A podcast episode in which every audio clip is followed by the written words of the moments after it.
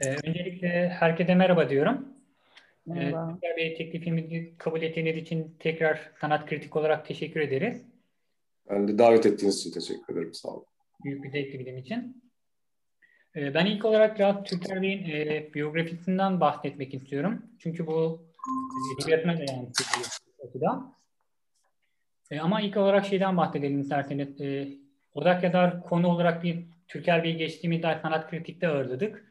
Kendisinin e, kitaplarıyla ilgili yazılmış beş yazıya ve Türker Bey ile yapılmış bir söyleşiye yer verdik. E, isteyenler oradan da yine dosya hakkındaki yazılara ve söyleşiye ulaşabilirler. Bugün gerçekleştirdiğimiz söyleşi de e, bir bakıma bu odak kadar e, dosyamızın bir uzantısı olarak gerçekleşiyor. E, ilk olarak e, Türker Bey e, lisans eğitimini Hacettepe Üniversitesi'nde tamamladı. Daha sonra yüksek lisans eğitimini Boğaziçi Üniversitesi Felsefe bölümünde, doktorayı da Paris'te tamamladı. Yine aynı bölümde. Bu süreçte sanırım Norveç'te Bergen Üniversitesi'nde bir süre kaldı. Ee, daha sonra eğitimine ve e, ders vermeye başladı. Bu süreçte Marmara Üniversitesi, Mimar Sinan Güzel Sanatlar Üniversitesi, Yeditepe ve Galatasaray Üniversitesi'nde dersler verdiğini görüyoruz. E, bu dersler arasında özellikle sanat felsefesi ve estetik birçok açıdan dikkat çekici bir ders. Sanırım 17 yıldır da Galatasaray Üniversitesi'nde öğretim üyesi olarak görev yapıyor Türker Bey. 3 yıldır da aynı bölümün başkanlığını yürütüyor. Türker Bey'in şu ana kadar yayınlanan 5 kitabı var. İlk 3 kitabı öykü türünde, son 2 romanı ayrıca değerlendirilebilir. İlk kitabı Kıyısı 1997'de yayınlandı. Daha sonra 2000 yılında Taş Hücre ve 2003 yılında Dalga Kıran yayınlanıyor. E, 2007 yılında e, Türker Bey'in ilk romanı Tahta Taplı Bıçak yayınlandı. Ve son olarak da Hüküm e, 2016'da yayınlandı. E, ben de bu e, eğitiminden ve e, şu an yaptığınız görevden yola çıkarak edebiyat ve felsefe ilişkisi üzerinden sormak istiyorum. E, sizin kitaplarınızın da birçok açıdan felsefeyle yakın bir ilişkisi olduğunu söyleyebiliriz. Arka planında hissettiğimiz şey her zaman bir felsefi gönderme aslında. Peki e, siz edebiyat ve felsefe arasındaki ilişki üzerinde ne söylemek istersiniz ve aldığınız eğitimin Türker Armener'in kitaplarına nasıl etki ettiğini düşünüyorsunuz? Şimdi e, teşekkür ederim bu soru için. Yani bu soruyla başladığınız için. E, şimdi aldığım eğitim bir yana o eğitimde e, bir süredir de eğitim veriyorum açıkçası. Dolayısıyla yani bir bütün olarak açıkçası düşünmek gerektiğini e, farz ediyorum.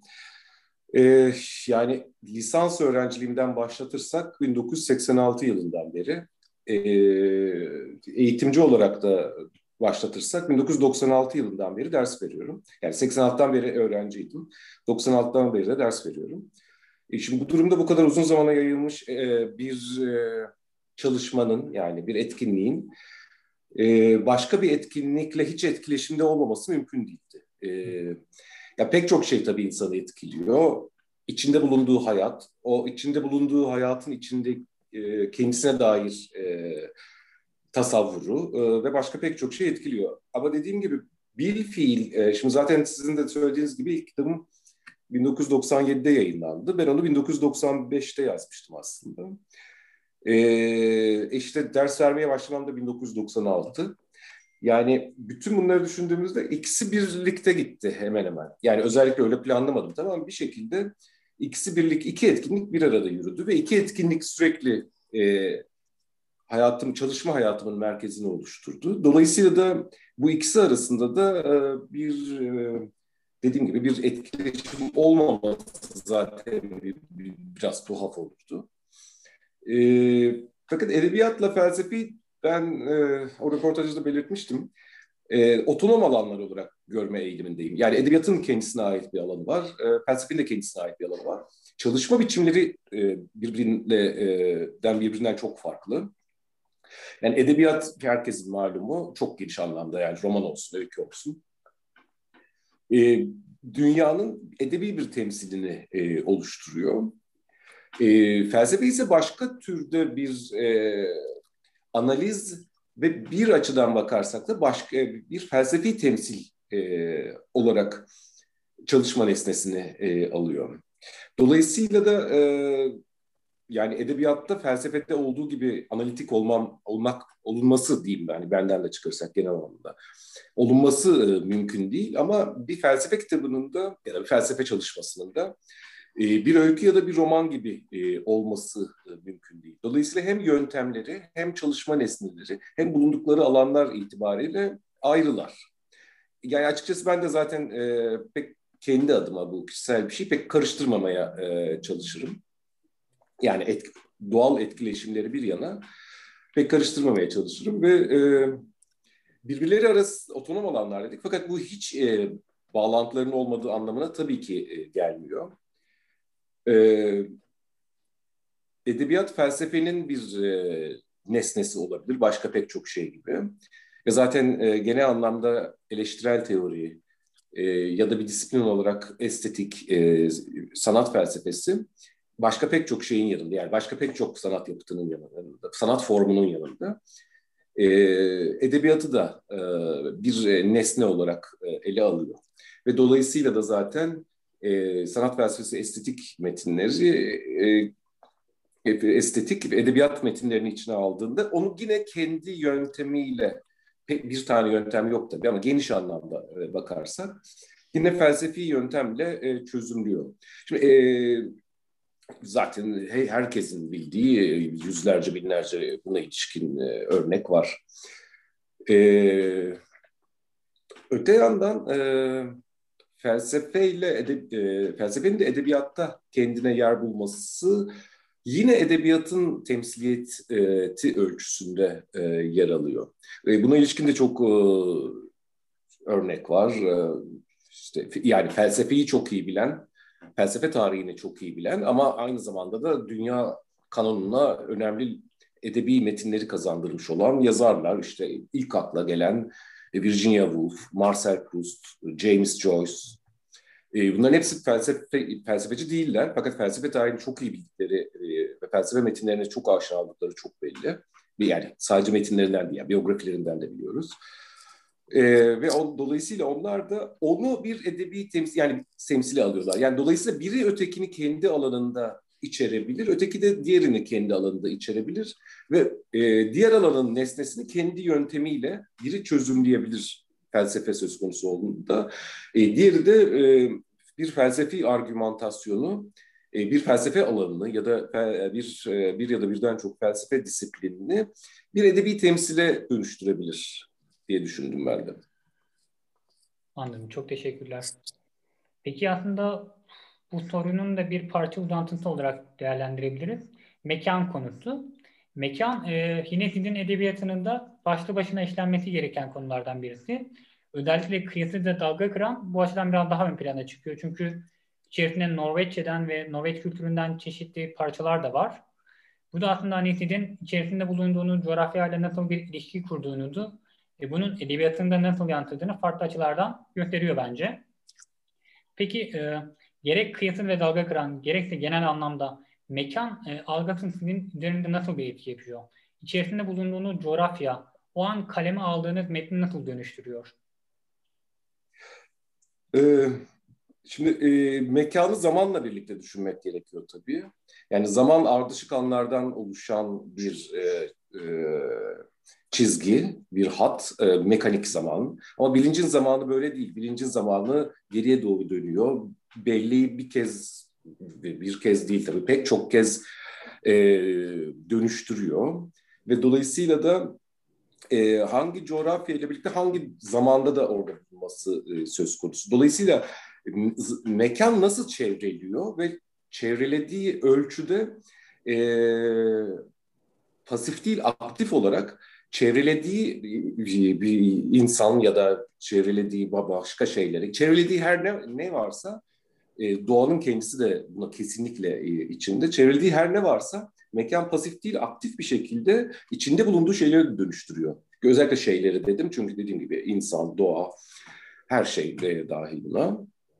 Ee, ama içinde bulunduğu yani mekanın mekan tarafından çevrelenen e, şeylerde yine kendilerini çevreleyen mekanı e, dönüştürüyorlar. Dolayısıyla bu, bu bir insan söz konusu olacak, yani bilinç söz konusu olduğunda da E, bu nedenle mekana ilişkin algı aynı zamanda zamana ilişkin e, algıyı da biçimlendiriyor ve bunu e, aksi yönde de düşünebiliriz. Şimdi, bulunduğun coğrafyanın nasıl etkilediğini sordunuz. Bir, önce örnek verebilirim. E, kıyısızı e, Norveç'te yazmadım ama Norveç'te notlarını almaya başlamıştım ve evet e, Norveç'in özel olarak biraz daha genel olarak da İskandinav coğrafyasının büyük bir etkisi oldu. Yani döndükten sonra onu öykü dosyası haline getirilmişti 95'te. Yani Norveç'ten ayrıldıktan sonra. E, ve şimdi bu e, İskandinav coğrafyası kendisine e, mahsus sadece bir doğal e, farklılık değil. Hem Avrupa'da hem Kuzey Avrupa'da ama e, kıta Avrupa'sında ile e, tarihsel ilişkileri e, bayağı e, diğer kıta Avrupa ülkeleriyle karşılaştırıldığında uzak bir şekilde diyeyim e, gelişmiş. Ya tabii ki ticaret var, savaşlar oluyor, şudur budur falan ama e, söz gelimi bileyim e, bir e, e, işte bir İspanya'nın bir Fransa ile ilişkisi, yani bir Kastilya'nın Franklarla ilişkisi gibi daha da eskiye gidersek gibi bir, bir yakın bir ilişki değil.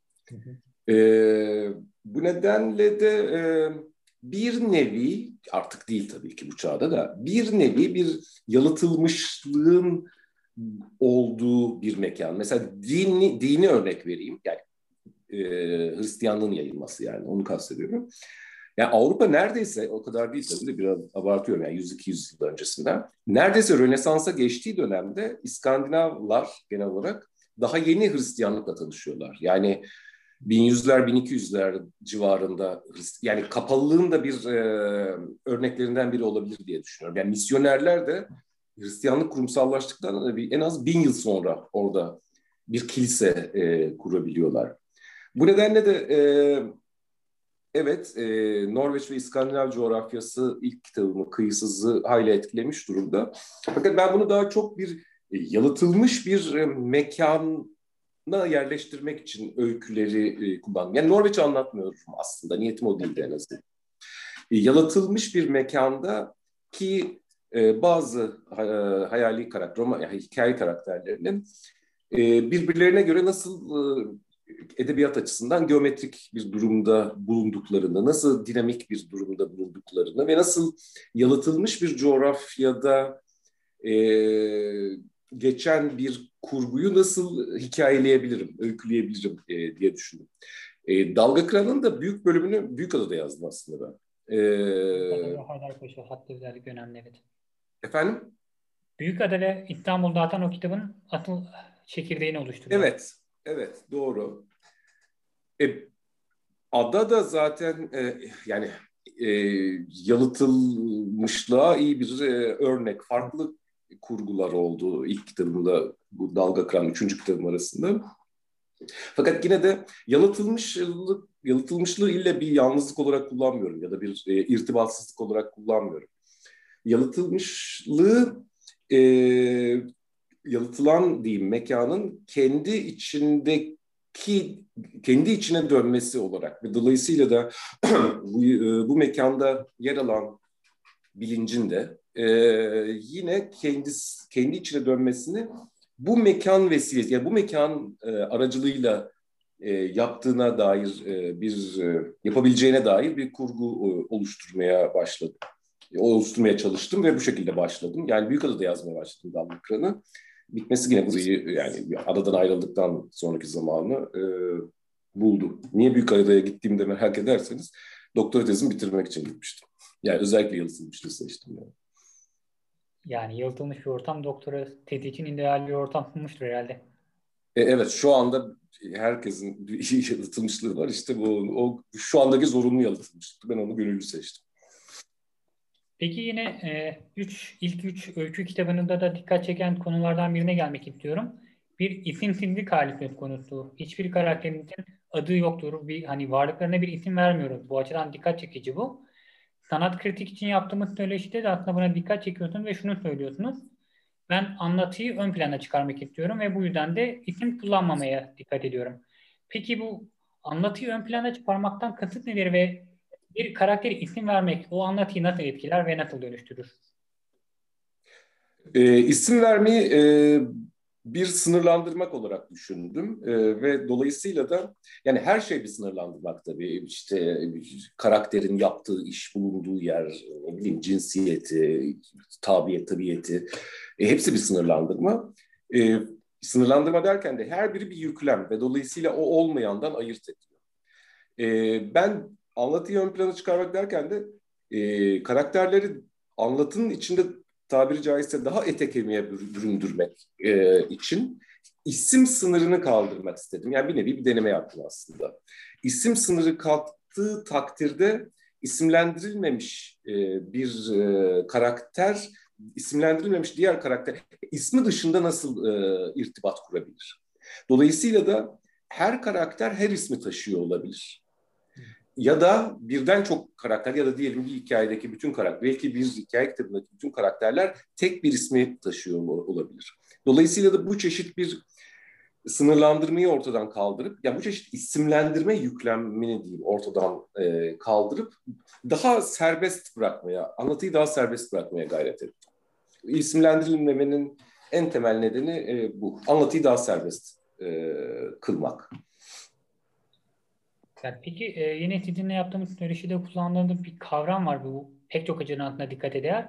Model okur. Hı. Yani e, bu aslında yazar ve okur arasındaki ilişki birçok açıdan dikkat çekici bir ilişki. Kimi yazarlar işte belirli bir okur kitlesine yazar. Kimisi hiç okuru düşünmeden yazar. Kimisi de herkesin okuyabileceği bir tarzda yazar. Hani tarzı budur. Siz de model okur diye bir kavramdan bahsediyorsunuz. Peki siz yazarken nasıl bir okur kitlesini hayal ediyorsunuz ve bu Model okur kavramı sizin için nasıl bir anlam ifade ediyor? E, sadece bana ait bir söz değil tabii. Yani e, model okur edebiyat kritik teorilerinde geçen bir e, şey. Benim de benimsediğim bir şekilde. Açıkçası ikincisini düşünmüyorum ve bunda çok iddialı değilim. Çünkü hiçbir zaman bir yazarın ya da başka bir kimsenin beyninin içine giremem. Yani. Gire, giremeyiz yani. Ya o hayır diyorsa da hayırdır. O her kimse yani. E, ama okuru düşünmeden yazan bir yazar olduğunu da düşünmüyorum açıkçası. Var olduğunu düşünmüyorum. E, bence her yazar belirli bir belirli bir bir derken et, yine ete kemiğe bürünmüş değil. E, muhayyel, hayali e, bir muhatap arıyor. Bir, aslında bir konuşmadır bir nevi şey yazmaktan e, yazma etkinliği bir nevi diyalogtur aslında bir nevi konuşmadır. Yani monologtur tabii ki yalnız başımıza yazıyoruz ve tekil bir olay yazmak, tekil bir etkinlik. Ee, ama herkes aslında bence ya da ben öyle yapıyorum azından ve yazarlığın öyle olduğunu varsayıyorum.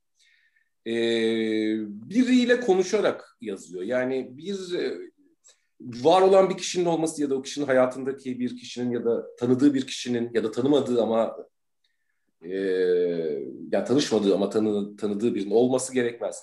Karşısında hep birinin birini varsayıyor e, yazar. Ben en azından ben öyle yazıyorum. Yani bu işte dediğim gibi tanıdığım biri değil. E, bir bir çeşit bir konuşma aslında. Model okurla da kastettiğim o. Yani her yazarın bir model okuru olabileceği gibi aslında aynı yazarın birden çok kitaplarının da her bir kitabın bir model okuyucusu e, olabilir. Yani o kitabın bir nezd, nezd aldığı, muhatap aldığı, o kitabın nezdinde olan hayali e, bir okur. Öteki türlü zaten Borges'in hikayelerine döner yani. Hikayelerin gerçek olma şeyine döner. Yani o yazar labirentin içinde hiç hiçbir nezde almazsa o labirentin içinde kaybolur gider ve ben onun kitap dosyası haline matbaaya gidebileceğini bile düşünmüyorum yani. E, hiçbir nezde almadığı e, takdirde. Bir nevi bir ayna imgesi aslında yazı etkinliği diye düşünüyorum. Ya peki bu soruya aslında bir yandan devam etmek istiyorum şu açıdan. Mesela Orhan Pamuk şöyle der mesela ben Türk okuru düşünerek yazıyorum. Çünkü artık globalleşmiş bir dünya var. Bütün kitaplar birçok dile çevriliyor. Birçok kişiler tarafından okunuyor. Özellikle işte Orhan Pamuk gibi popüler ve hani Nobel ödülü sahibi birisi farklı bir açıdan yaklaşıyor ve yine de ben Türk okuru düşünerek yazıyorum diyor. Veya bunu katılabiliriz veya katılmayabiliriz. Ki çünkü oryantalist bir yanı da var bu düşüncenin. Peki sizin e, karşınızda oturduğunuz otur, e, okurdaki temel beklentiniz nedir mesela? Yani şimdi ben öyle bir milliyet veremeyeceğim ne yazık ki. Fakat Türkçe yazdığıma göre yani ana dilimde Türkçe olduğuna göre ve Türkçe yazdığıma göre e, o anlamda Türkçe okuyan diyeyim yani Türk okur diyemeyeceğim de Türk o ama bu bir yabancı yani mesela işte söyleşten önce sizinle konuşuyorduk. Mesela bir Alman Türkolog da olabilir mesela yani. Anlatabiliyor muyum? Yani Türkçe okuyan herkes e, doğal olarak Türkçe yazıldığına göre. Çeviri başka bir şey ama orada konu başka bir yere galiba e, sapıyor. E, benim kafam e, ben yani her kitap için başka bir model var aslında ve bunun da bir milliyeti olduğunu düşünmüyorum açıkçası. Yani bu Türk de olur, Brezilyalı olur, e, Rus olur, Yeni Zelandalı olur. Yani ben bu zaten şöyle söyleyeyim.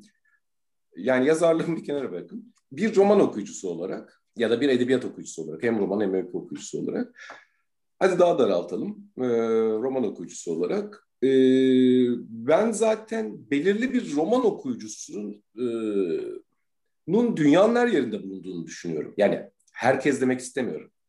Yani roman okuyan e, bir e, e, bir roman okuyucusunun diyeyim fazla da e, uzatmadan bir roman okuyucusu dünyanın her yerinde birbiriyle iletişim kurabilir aslında. Bu nedenle de e, şu kitap şu milletten kişiler anlaşılır ya da şu milletten anlaşılmaz diye de bir şey olduğunu düşünmüyorum açıkça söyleyeyim. Yani bulunduğunuz e, ülkede ve hatta bulunduğunuz şehirde kimse sizi anlamaz da bakarsınız e, ne bileyim ben Laponya'da biri sizi çok iyi anlar. Ya anlatabiliyor muyum? Yani o yerine gider, o roman okuma, e, o edebiyat etkinliği bir şekilde yerine gider ve onun da milliyetinin olduğunu düşünmüyorum açıkçası. Anladım. Peki e, yine taş hücreden devam etmek istiyorum. Hı. Çünkü bu kitapta özel bir ölçü var aslında senin için. Başlığı kuyu. Sanırım e, kuyunun arkasında kişisel olarak sizin için anlam ifade eden başka bir hikaye var. Otobiyografik bir yön. E, bir de biraz e, kuyu hikayesinden ve... Otobiyografik değil tabii, biyografik. Yani, yani yok, benim hikayem değil o ya. Yani. yani tanıdığınız bir insanın aslında bir hani e, öykünün bir parçası olması daha çok. Hı hı. Peki bu açıdan e, kişisel yaşantınız, çevrenizde tanıdığınız insanlar sizin edebiyatınızı nasıl etki ediyor? Şöyle söyleyeyim. E, aslında tanıdığım biri değil. Şöyle oldu. E, sorduğunuza göre herhalde bunu söylemem vakit almak olmaz. Yok tabii ki. E, bulunduğum semte yeni taşınmıştım çok uzun zaman önce. E, bir gazetenin kültür ekini okuyordum. E, ve hemen yandaki sokakta o günlerde ölen, ölü bulunan, nasıl öldüğü hala belli değil. E, ya da yani otopsi raporları çıktıysa da onu ben bilemem. En azından gazetelere yansımış değil. E, bir karakter, bu gerçek bir karakter ve benim hemen yandaki sokakta oturuyor muş. Yani çünkü nerede bulunduğu yazıyordu. Haber üzerine de yani bu bir haber tabii. E, haber üzerine de bir e, e, o kitabın yazarlarından biri ya da bir editörüydü galiba onu da tam hatırlamıyorum. E, o kişinin hayat hikayesinin izini sürmüş bir şekilde. E, ve e, bu bana çok ilginç geldi. Bu kişinin biyografisi. Ee, ve evet yandaki sokakta olması da bana ilginç geldi. Yani buraya taşınır taşın bu eve bulunduğum şu anda bulunduğum eve taşınır taşınmaz neredeyse yani bundan bir ay sonrasında falan olması da ilginç geldi. Ama daha da ilginci o karakterin hikayesiydi. Ben de biraz araştırma yaptım. Daha sonra bu hikayeyi e, yazmaya koyulduğumda da biraz daha fazla araştırma yaptım o kişinin hayatına dair. Tabii yazdığım tümüyle o kişinin hayatı değil. E, fakat o kişiden yola çıkarak yapılmış bir şey.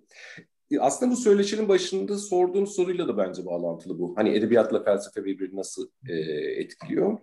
E, dolu doğal dediğim gibi doğal olarak etkiliyor. Çünkü işte hayatımın e, işte yetişkin hayatımın neredeyse tamamını kapsamış e, bir e, iki etkinlik. Aynı şekilde bulunduğumuz e, ya da bildiğimiz kişiler de etkiliyor. Hepsi aynı şekilde etkilemiyor tabii.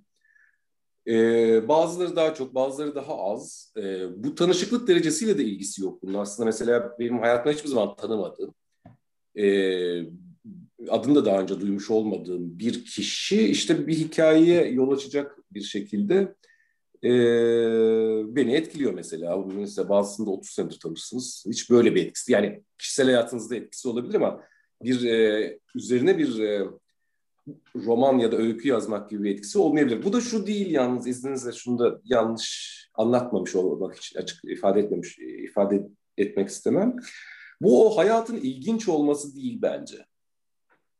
Yani o kişinin mesela biyografisini şimdi bir baksak birlikte tamam ilginç şeyler var ama yani o ilginçlik her yerde bulunur. Özellikle o kuşaktan yani. Ee, ilginç olması değil, bir hikaye kurgusunu tetikleyecek bir şey olması, bir durumun olması diye düşünüyorum bunda. Anladım. Peki e, buradan yine belki dalga kıranla devam edebiliriz. E, çünkü bu kitapta da aslında diğer romanlarında da olan örgülerden birisi de rüya, zaman ve mekan arasındaki ilişki üzerine. Edebiyatının ana örgülerinden birisi bence. E, rüyalarında farklı mekanlara geçiş yapan, daha sonra düşlediğinden daha farklı mekanlarda oynanan, hep kayıp bir zamanın peşinde olan karakterler söz konusu. Peki bu bağlamda e, kaybedilenler kendilerine rüyalarda nasıl bir karşılık bulur? Söz gelimi e, tahta saplı bıçakta da hükümde de görülen rüyaların kaybolan bir zamana dair bir özlem e, içerisinde barındırdığını görüyoruz. Bu rüyalar nasıl bir karşılık bulur Türkiye Romanlar Edebiyatı'nda?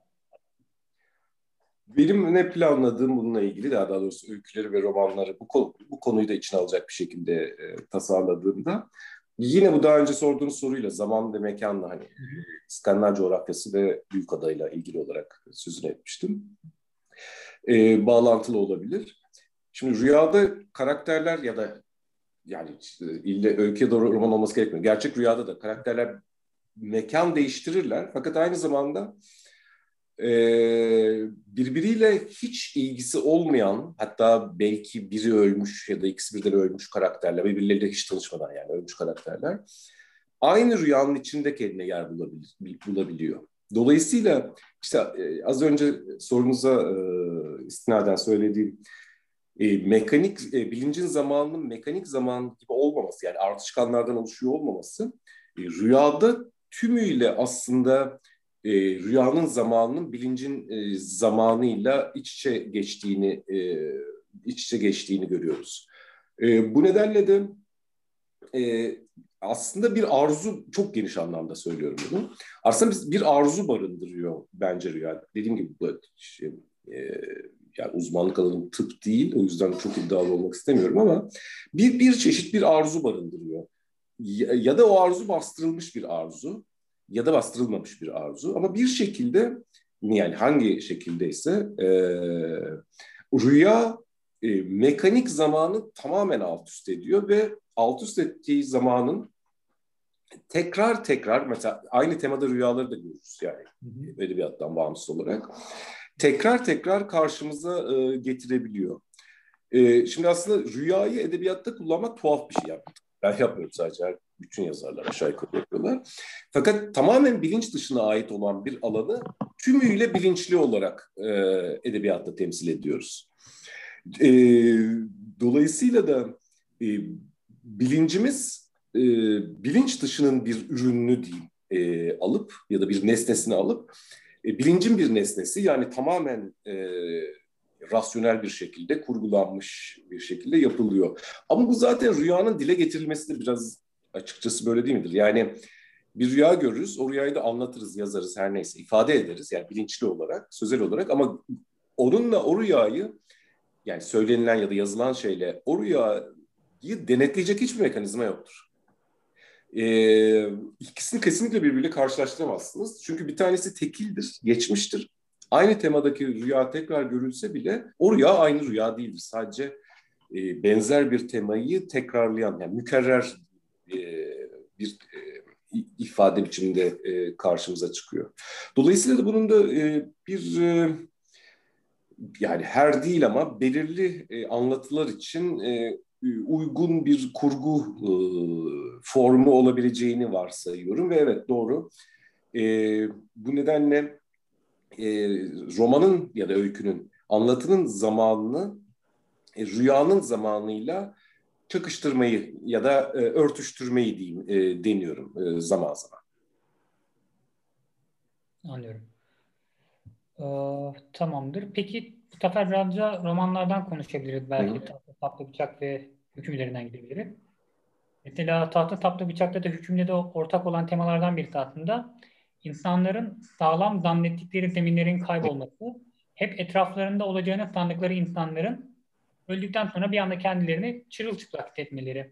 Mesela tahta taplı bıçakta işte Erkan bir arzu nesnesidir. Herkes bütün hayallerini, bütün varlıklarını Erkan üzerine e, inşa eder.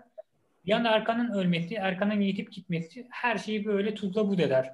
Bu anlamda bütün arzu nesneleri de ortadan kaybolur. E, aynı durum e, hüküm romanında da var aslında. Halil'in e, gerçekten aşık olduğu tek karakter olan Mari. E, Mari'nin e, kaybolması, onun gitmesi artık Halil içinde, roman içinde bütün e, her şeyin yıkılması anlamına gelir. Peki bu anlamda şunu sormak istiyorum. Bir arzu nesnesinin kaybolması nasıl e, bir felaketi beraberinde getirir? E, ve Armaner Edebiyatı'nda bu devam eden, süreklilik gösteren bir durum. Peki bunu inşa ederken nasıl bir e, hesaplama yaptınız acaba? Şunu varsaydım, e, e bunu e, kurgulamaya başlarken belirli bir herkesin belirli bir e, gerçeklik alanı inşa ettiğini, belirli bir gerçeklik alanı inşa etmeden yoluna devam edemeyeceğini yani bir de metaforik anlamda söylüyorum.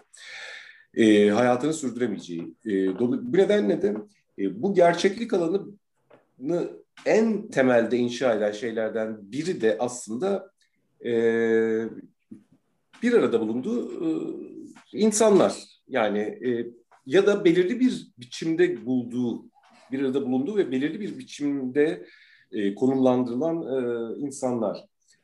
E, bu nedenle de bir nevi grafik gibi düşünüyorum aslında. E, biraz alegoriyi zorlamama izin verirseniz. Belirli bir grafik içinde aslında hayatımızı sürdürüyoruz. Bu e, yaşadığımız şehir ve ülke olabilir, e, içinde bulunduğumuz etkinlikler olabilir, irtibatta bulunduğumuz e, kişiler olabilir. Bu grafiğin içinde aslında kendimizi sürdürüyoruz. Gerçekliğin kaybı ki romandaki bölümlerden birinin adıydı. Gerçekliğin kaybı aslında o grafiğin değişmesi değil, grafiğin üzerine çizildiği bir nevi tuvalin tümüyle ortadan kalkması. Bu nedenle de e, kişi kendisine yeni bir grafik diyeyim çizmek ister, yeni bir gerçeklik alanı inşa etmek ister, yeni bir zemin oluşturmak ister. Fakat oluşturmak isteyen kişiyle e, üzerinde bulunduğu zeminin ortadan kalktığı aynı kişi olduğu için bu aslında kişinin gerçeklikle gerçek dışılık. Demin sorduğunuz soruyla da bağlantılı olabilir. E, rüyayla e, gerçek ya da yine konuşuyor olduğumuz gibi bilinçle bilinç dışı e, ya da biraz daha genişletirsek e, nesnel e, dünya ile nesnel dünyanın bilinçteki temsili arasındaki ilişkilerde arasında bunlar hep var ve hep aralarında bir ilişki var. Fakat e, arasındaki e, ilişkilerin geçişken olması e, söz konusu oluyor. İşte sizin işaret ettiğiniz gibi Halil karakterin Mari ortadan kalktığında ya da tahta saplı bıçakta ki bir karakterin Münevver'in işte sevgilisini artık ölmüş değil fakat başka bir yerde konumlandırmış Leopold. durumda. Ya, efendim? Leopold üzerinden evet. Evet evet, evet Leopold'u başka konumlandırdığı yerden çıkmış e, durumda. Belki hep oradaydı fakat bilincinde başka bir yere konumlandırmıştı. Yani aslında bilincin dediğim gibi az önce sözünü ettiğim gibi bilincin nesnel dünyayla olan ilişkisi sarsılıyor aslında. Bu durumda hem e, nesnel dünyadaki kaybını dediğim gibi o Leopold Nevre ilişkisine gibi ya ölmese bile o bir kayıp aslında. Çünkü konumu değişmiş durumda kendisi için. Yoksunluk diyeyim çok geniş anlamda. Geri dönmeyecek bir şey. Ve bir de evet görmeyecek biri. Ee, bu yoksunluğun e, gerçekleştiği dünyayı hem nesnel olarak yeniden kurmak durumunda hem de o dünyanın bilinçteki temsilini ya da o temsiller bütününü e, yeniden inşa etmek e, zorunda. Bu nedenle de benim yapmaya çalışmış yapmaya çalışmış olduğum şey bu sözünü ettiğimiz romanlarla ilgili bu ilişkinin kendisinin de sarsıldığı yani bilinçle nesnel dünya arasındaki ilişkinin de sarsıldığı bir e, bir kayıp durumunu anlatmak istedim. E, zaten sizin de hem sordu yani söyleşte sormuş olduğunuz, yazılı söyleşte sormuş olduğunuz gibi hem de şu anda ifade ettiğiniz gibi e, tek gerçek karakter kalktı. E, diğer karakterler kendisini Halil'e ikili, en az ikili, bazen daha fazla yönüyle en az ikili tanıtıyor. Kendi istedikleri gibi tanıtıyorlar kendilerini. E, Halilce bilinmesi gereken bazen isimlerini söylüyorlar ya da durumlarını söylüyorlar. E, Halil'in irtibatta bulunduğu işte tek gerçek karakter var. Maris ki o zaten onun ölümüyle birlikte aslında anlatı yeni bir eksen alıyor ya da en azından ben e, bu şekilde planlamaya çalışmıştım. Yine aslında bu sorunun da uzantısı olarak düşünebiliriz. Ee, bir, Nasıl? E, yine e, bu sorunun e, cevabını bir uzantısı olarak düşünebileceğimiz bir konfor alanı meselesi var. Hı hı. Çünkü e, mesela tahta saplı bıçakta Münevver Hanım ailesiyle, kardeşleriyle belirli bir hayatı var. Mutlu veya mutsuz. Ama belirli bir konfor alanı var. Ama e, ta ki Almanya'ya gittiğinde işte Leopold'la tanışır.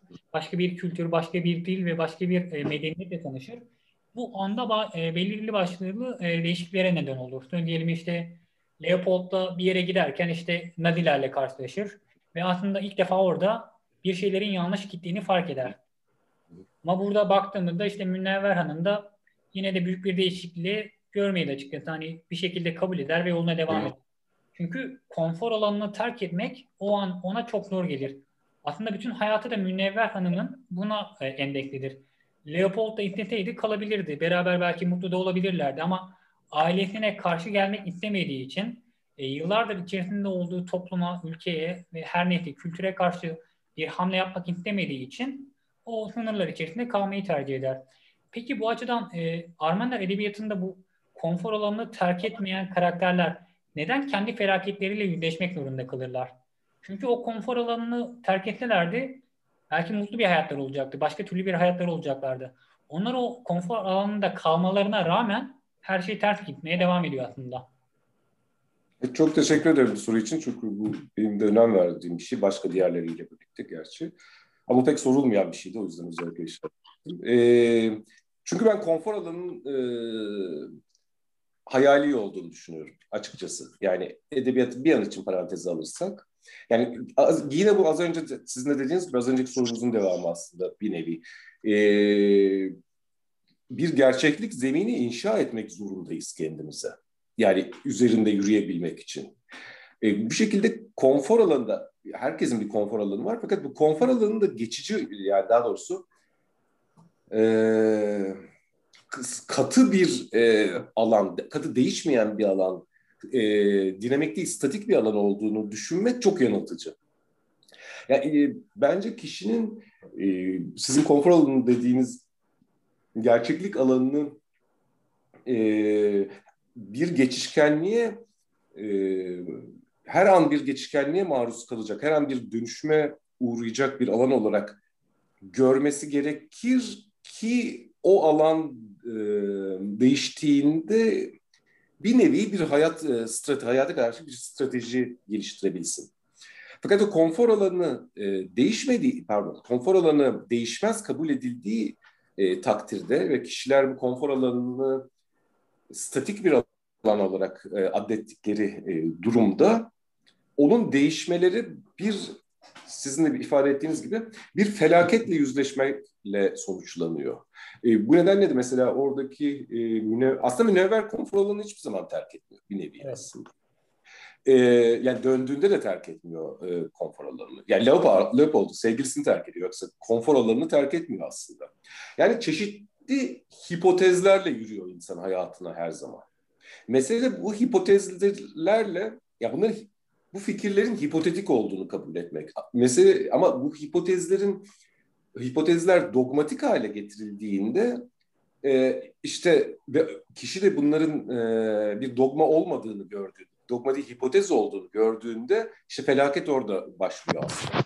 Koşulsuz olduğu, kişinin koşulsuz adettiği şeyi kişi koşullu olduğunu e, görüyor ve evet bu, bu zaten bence yeterince bir felaket yani başka bir felakete uğraması gerekli bir şey. Yine aslında bu e, kişisel hayatlardan yola çıkarak bir kolektif bilinçten de bahsedebiliriz. Çünkü hı hı. Yani Münevver Hanım aslında bir e, kolektif bilincin bir karşılığı aslında. Halil de aynı şekilde. İçerisinde yaşadıkları, bir parçası oldukları topluma, etnik gruba veya gruba dair birçok şeyleri aslında kendi karakterlerinde, kendi yapılarında e, okura hissettiriyorlar. Bunu yakından fark ediyorlar. Peki bu anlamda e, kolektif bilinç nasıl oluşuyor Türk edeb e, Armenler edebiyatında? Çünkü bu ee, iki romanda da yine e, farklı şekillerde bir milli, bir etnik kimlik var sonuçta. Biri e, Almanya'ya giden e, Cumhuriyet idealleriyle yetişmiş bir e, e, Münevver Hanım ve kardeşleri. E, Halil yine belirli idealler çevresinde yaşayan bir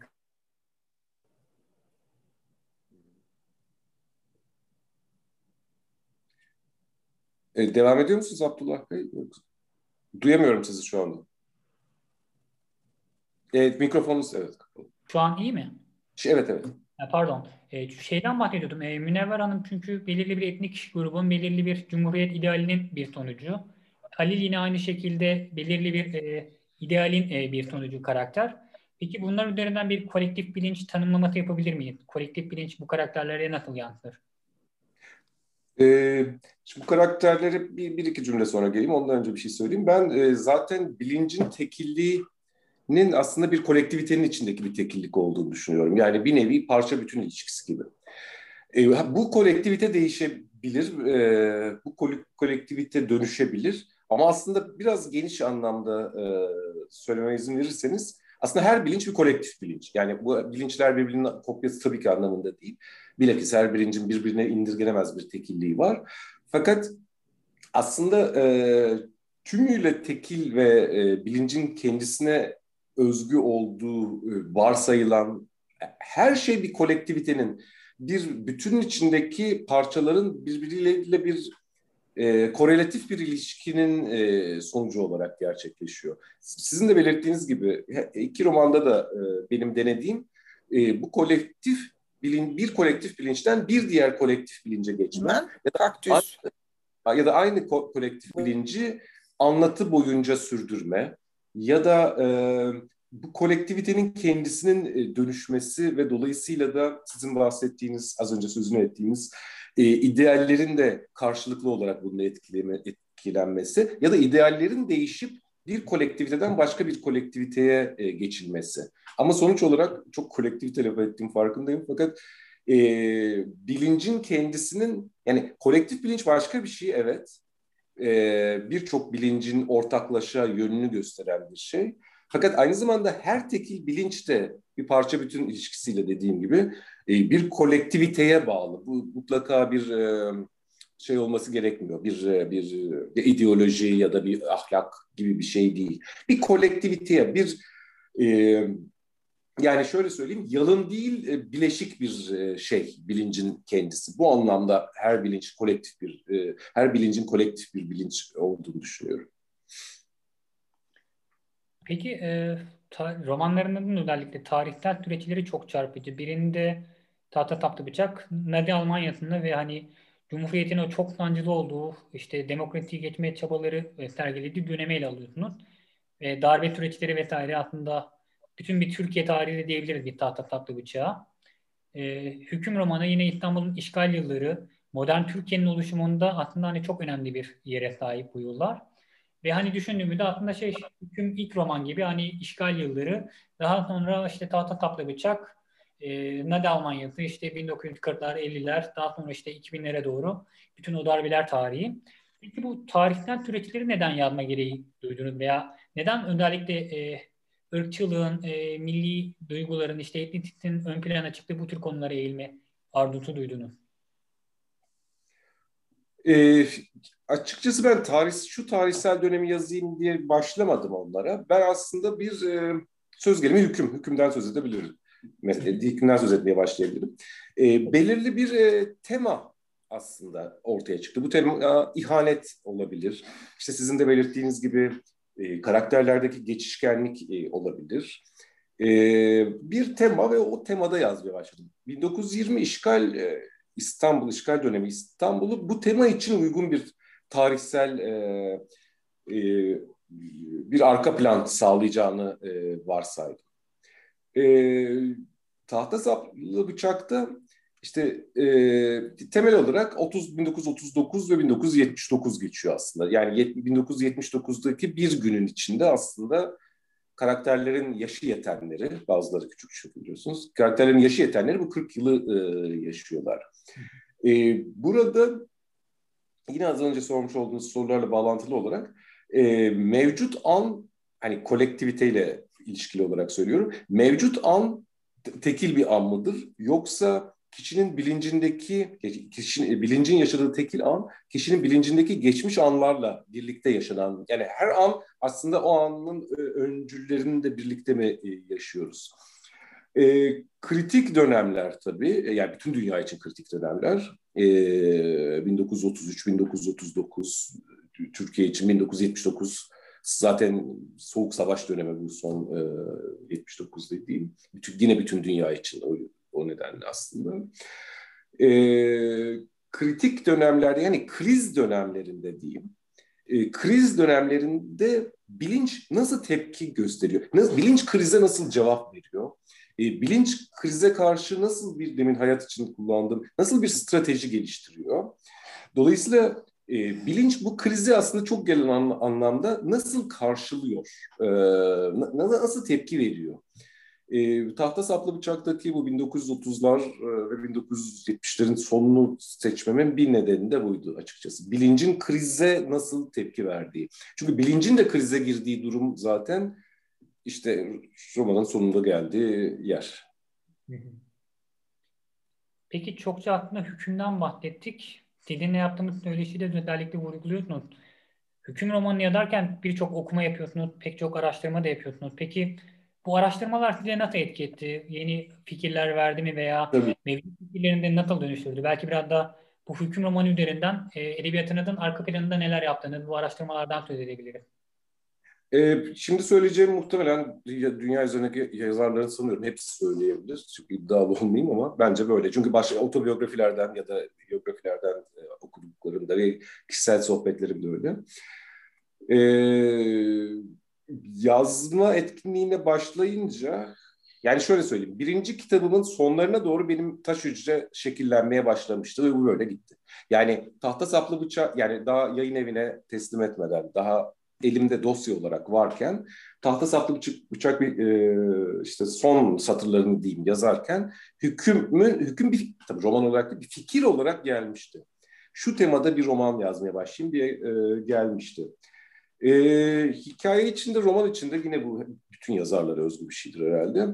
E, açıkça çok çalışıyorum, çok monografi çalışıyorum. E, kent monografisi çalışıyorum, biyografiler çalışıyorum. E, ve bu e, bir sonraki edebiyat kitabına bir e, e, eşik aralamak ya da kendiliğinden bir eşiğin açılması olduğu kadar açıkçası ben kişisel dünyam için de çok hoşuma gidiyor. Yani ne bileyim 1920 işte yani 100 yıl öncesinin İstanbul'u. Yani insanların nasıl giyindiklerinden, nasıl eğlendiklerine ya da işte işin içinde bir işte suikast, sabotaj varsa bunlar için nasıl silahlar kullandıkları, nasıl birbirlerine hitap ettiklerine de, hülasa gündelik hayatın nasıl sürdüğüne e, dair çalışmak yani beni bana e, bir tarih e, belirli bir tarih fikri veriyor. Çünkü öbür türlü tarihsel olguları bulmak o kadar zor değil. Yani iyi bir kütüphane araştırması yapmak. 1920'de neler oldu? Yani çok almanak gibi yani bir nevi. E, hiç de zor değil. Yani herkesin ulaşabileceği bir şey. Fakat gündelik hayatın detayları beni daha çok yoruyor açıkçası. Bu detaylara olabildiğince e, vakıf olmak yani üzerinde e, neyse öykü ya da roman. Fakat sonunda benim de bir dünya açılmış oluyor. Yani romana ya da öyküye yansımadığı bir yana benim de söz gelimi hüküm 100 yıl öncesi İstanbul'a dair bir, bir resim oluşuyor ya da zaten varsa silik de olsa öyle bir resim o resim biraz daha güçlü görünür e, hale geliyor. Anladım. Peki sizinle aslında bu söyleşi öncesinde konuştuğumuz bir başka mesele vardı. Yani ilk yayınladığınız ilk üç kitap Kıyısın, e, Taş Hücre ve Dalga Kıran öykü kitapları. Daha sonra gelen Tahta Saplı Bıçak ve Hüküm roman. Yani ilk planda sanki öyküden romana doğru bir geçiş yapılmış gibi gözüküyor ama bu böyle mi yoksa öykü yazmayı sürdürüyor musunuz? E, sonundan başlayayım sorunuzun. Öykü yazmayı sürdürüyorum. Yani yayınlamıyorum ama düzenli olarak öykü yazıyorum aslında. Yayınlar mıyım ileride hangisini yayınlarım, kitap olarak mı yayınlanır dergilerde onu bilemiyorum. Fakat ben düzenli olarak öykü yazıyorum. Çünkü ben öykü yazmayı seviyorum. E, ve o sırada yazdığım romanla da hiçbir alakası açıkçası olmuyor öykülerimin. Öyküden romana gidiş daha çok benim temaları seçmemden ve o temaları nasıl bir anlatı içine yerleştireceğim ve nasıl bir kurgu e, oluşturacağımla e, e, iç içe geçti diyeyim. E, yani e, işte ilk kitabım, ilk işte ilk ikinci ve üçüncü kitabım anlatmak istediğim yani bir anlatı oluşturmak istediğim temaların öykü formunda temsil edil, edilebileceğini düşündüm. Ee, işte iki romanımın da e, e, roman formunda temsil edilebileceğini düşündüm. Daha doğrusu beni ona itti. Yoksa öyküden romana doğru bir hem öyküyü başlangıç alayım sonra roman yazarım öyle bir fikir yoktu aklımda. Hem de romanlarım çıkmaya başladıktan ve şu anda yazıyor olduktan e, sonra ve sırasında öykü yazmaktan vazgeçmedim hiçbir zaman. Peki ben burada son bir soru olarak benim açımdan e, yani son kitabını Hüküm 2016'da yayınlandı. Araya bir 4-5 yıllık bir ara girdi. Hani yakın zamanda yayınlanacak veya üzerinde çalıştığınız bir şey var mı acaba? Şimdi zamanını bilemeyeceğim araya bu kadar şeyler girdiği için tabii ama ama üzerinde çalıştığım bir roman var evet. Ee, ne zaman biter bilemiyorum ama evet düzenli olarak üzerinde çalıştığım bir roman var. Tamamdır. Teşekkür ederim Türkler Bey. Bir e, söyleşimizin ilk bölümünü burada tamamlıyoruz. Eğer e, katılımcılarımızdan da e, soru sormak isteyenler varsa chat bölümüne yazarak veya direkt not alıp buradan sorabilirler. Ama şu an için herkese teşekkür ederim. Kıymetli sorularınız için ben de size teşekkür ederim Abdullah. Ne demek rica ederim. E, bir soru var burada hemen. E, Kıyısız kitabındaki ilk öykünün adı Yapı idi. Türker Armaner yapı kavramından biraz bahsedebilir mi? Ee, şimdi birkaç açıdan e, düş, varsayabilirim ben bunu. Bir, e, üç boyutlu bir e, nesne olarak mimari yapının kendisi. Yani ilk elde akla gelen e, şey ki zaten orada öyle bir e, yapı. E, ikinci olarak e, bir anlatının yapısı. Burada artık burada artık e, alegorik anlamda bir yapıya dönmüş oluyoruz. Üçüncü anlamda da e, yine bir saat öncesinden yani konuşmaya sizinle başladığımdan başladığımızda e, söz ettiğimiz şeyler e, mekanın olduğu gibi zamanın da e, bir yapısı. Dolayısıyla kişi kendi geçmişini de inşa ediyor aslında. Az önce konuştuğumuz yani birkaç sizin sorunuz öncesi konuştuğumuz şeyler.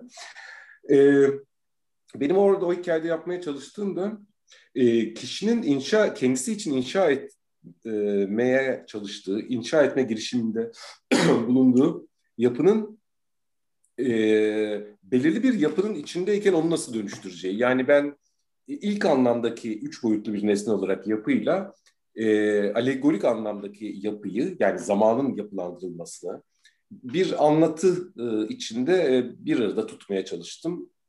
E, soruya sanıyorum umarım cevap olmuştur. Ya, evet. Gönderme motoru için teşekkür ederim.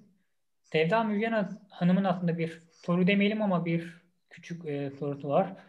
E, Türkiye Armaner okumaya başlamak için en doğru kitap hangisi olur? Veya sizin için belki bilmiyorum e, ön plana çıkan farklı bir değeri olan bir kitabınız var mı Türker Bey?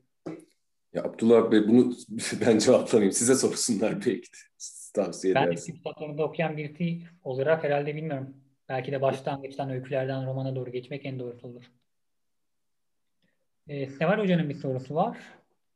E, felsefe kökenli bir başka yazar Şule Gürbüz bir söyleşisinde felsefi metinler yazamadığım için Devir artık öyle bir devir olmadığı için anlatacaklarımı edebiyatla aktarıyorum demişti. Benzer bir şey sizin edebiyatınız içinde geçerli mi? Örneğin Heidegger gibi yazmak ister misiniz?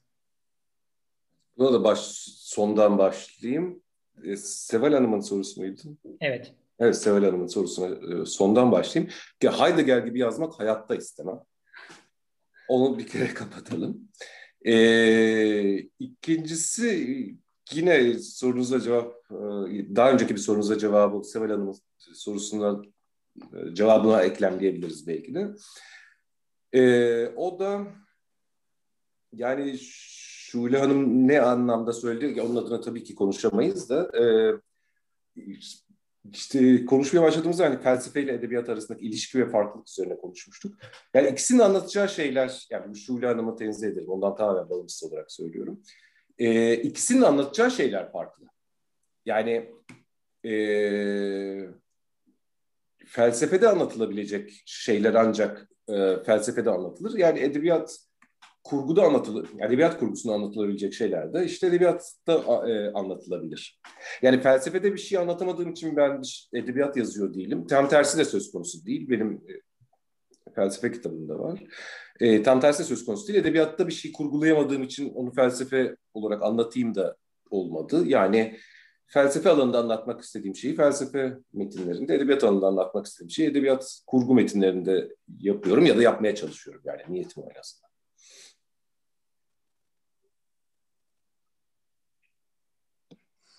Şu an için sanırım başka bir soru göremiyorum. Zamanımı da doldurduk sanırım. Ben herkes adına tekrar teşekkür ederim e, Türker Bey. Bir soru daha var Türker Bey kusura bakmayın. Estağfurullah. E, Türker Ramener'in özellikle romanlarının kurgu dersi niteliğinde olduğunu söylemek isterim. E, tüm yazmış olduğu yeterleri okumuş biri olarak benim sorum Türker Hoca'nın günlük yazım rutini üzerine olacaktı. Yani mesela Orhan Pamuk'tan örnek vermiş. Her gün mü ya da haftada yok da belirli aralıklarla mı? Ayşe Hanım mı? Şimdi ben de ona baktım. Ee, yani bir yandan yaptığım baş, tam zamanlı akademisyen olarak çalıştığım için e, her gün vakit ayıramıyorum. Yani şöyle söyleyeyim e, ama bu kimseyi emsal teşkil etmesin. İyi bir yazma takvimi değil bu. E, Mesela bir üç ayımı ayırabiliyorum mesela e, sadece romana. Ama ondan sonra mesela bir iki üç ay hiç dokunmayabileceğim zaman oluyor. Gerçi şunu da söyleyeyim, e, romanın ortalarına kadar böyle. Ya ortaları illa 200 sayfalık bir romanın 100. sayfası değil. E, tasarının ortalarına kadar yani diyeyim. Bu zorluk oluyor. Yani o ortayı geçtikten sonra hele sonlara yaklaştıkça açıkçası e, dünya yıkılsa yazıyorum. Yani o hayatımda ne olursa olsun yazıyorum. Ama ondan başlangıcından bir kurgunun anlatının ortasına kadar getirmek e, çok aksak bir ritim, takvimle gerçekleşiyor. Arzu Hanım buyurun. E, tabii bağlanabilir miyiz? Merhaba öncelikle herkese. Merhaba. Ee, sizinle Merhaba. tanışıyor olmak için e, sizinle tanışıyor olmaktan çok mutlu ve heyecanlıyım. Çok yakın zamanda okudum Kıyısız kitabınızı. Hatta dün gece başından da kalkamadım. Çok fazla vaktinizi de almadan ben Milli Eğitim'de felsefe öğretmeniyim. E, amatör diyebiliriz buna. E, birkaç yıldır yapıyorum. Fakat şöyle bir şey söylediniz. Edebiyat, edebiyat dalında, felsefe, felsefe dalında anlatılabilir. E, tabii ben bunu bu dar kapsamında farklı anlamlandırıyor olabilirim. Şunu söylemek istedim. Aklıma direkt Sartre'ın üçlemesi geldi e, Özgürlük Yollarında, üç kitabında da öyle yerlere vurgu yapar ki felsefeden bunu ayırmak mümkün değil. Kendisi zaten filozof. Ama bir bakıma e, yazdığı şeyler de roman formatında. Fakat varoluşun en ıssız noktalarına kadar taşır sizi ve kendi o kaygan zemininizi, sizin söylediğiniz gibi konfor alanınızı terk etmek zorunda kalırsınız. Siz bu istekte olmasanız dahi. Sizin kitabınızı da öyle bir dönemde okudum ki Şule Gürbüzler, bir yanda Bergerler, felsefeyle estetiğin birleştiği, bir yanda işte Şule Gürbüz'le varoluşu sorguladığım, bir yanda Şoran'la e, felaketlere yol aldığım öyle bir dönemde okudum.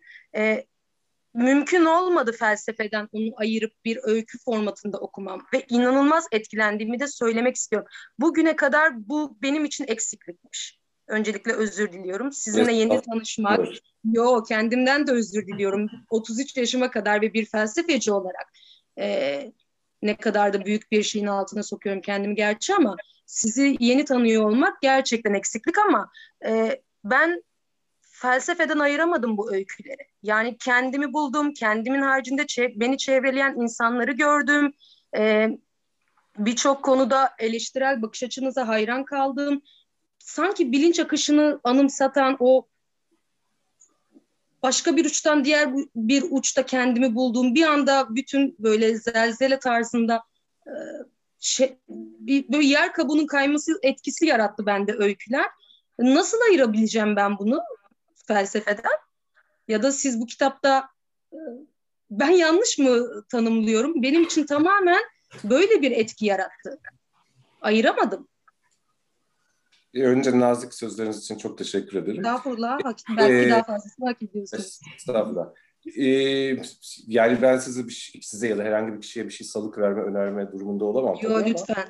E, bir şu, tersinden bakabiliriz. Hani nasıl ayıramadım siz dediğiniz için söylüyorum. Ayırmam gerekiyor mu? Onu sorguluyorum şu an. E, tersinden bakabiliriz. Hiçbir felsefe metni böyle yazılmaz. Yani o şekilde ayırabiliriz. Ya bu, bu bir felsefe metni olamaz zaten. Yani anlatabiliyor muyum?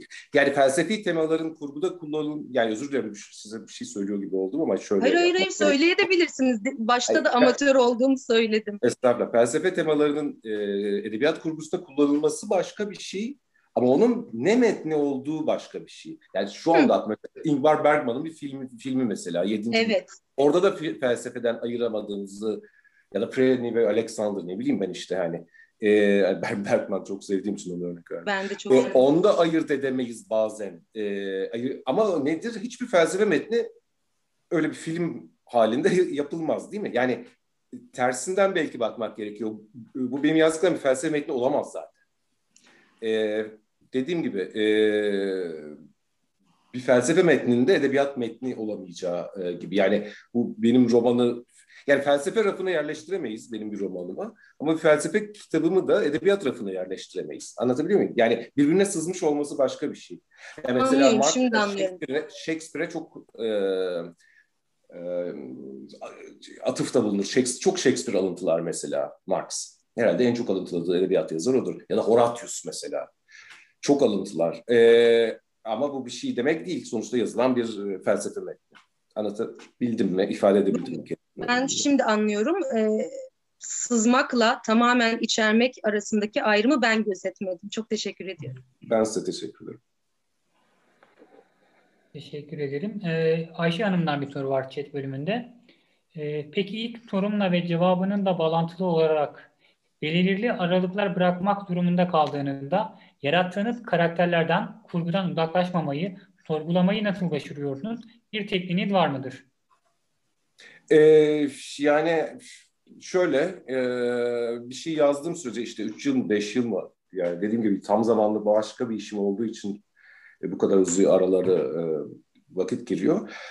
E, sürekli not alıyorum onu söyleyeyim. Aşağı yukarı her gün not alıyorum. Yani belki iki ay hiç oturup e, o Word dosyasını ya da her neyse defteri açtığımda yani yeni bir şey eklemiyorum belki romana. Fakat her aşağı yukarı her gün ya da haftada en az beş gün diyebilirim. Not alıyorum. İşte şu karakteri şöyle yap, şu şurada geçebilir, şu ikisi arasında bağlantı, kurgu şuraya gidebilir. Ya yani bir sinopsis gibi düşünürsek e, sürekli not almak e, onu deyim yerindeyse sıcak tutuyor. Dolayısıyla hani iki ay sonra tekrar romana oturduğumda hani iki ay hiç yüzüne bakmadığım bir çalışmaya kaldığım yerden devam etme zorluğunu en azından aza indiriyorum yani. Not almasam bu bayağı zor bir şey olur evet. Başka bir işle birlikte. Peki. Katılımcılarımızdan başka sorular varsa yine chat bölümüne de edebilirler veya doğrudan katılabilirler.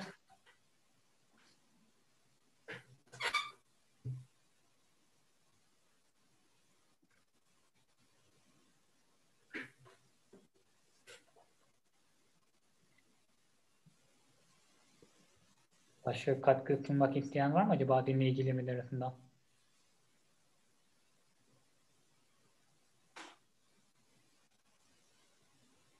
Sanırım yok gibi duruyor şu an.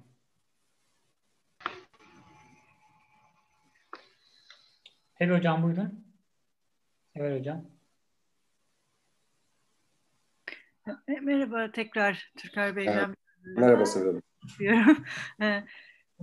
Ben 1920 yılını neden özellikle seçtiğinizi çok merak ettim. Yani neden e, 1920, yani niye e, 23 değil, 18 değil, 24 değil de yani 1920'de ne vardı? Neden 1920? Yani tarih olarak. Hani bu şeydir ya hani Benjamin'in kurtarılacak tarih seçmesi gibi sizde bir şey yani orada bir felsefe de vardır muhtemelen. Neden 1920? Biraz onu merak ee, ediyorum. Yani benim seçtiğim tema için uygun bir yıldı e, açıkçası.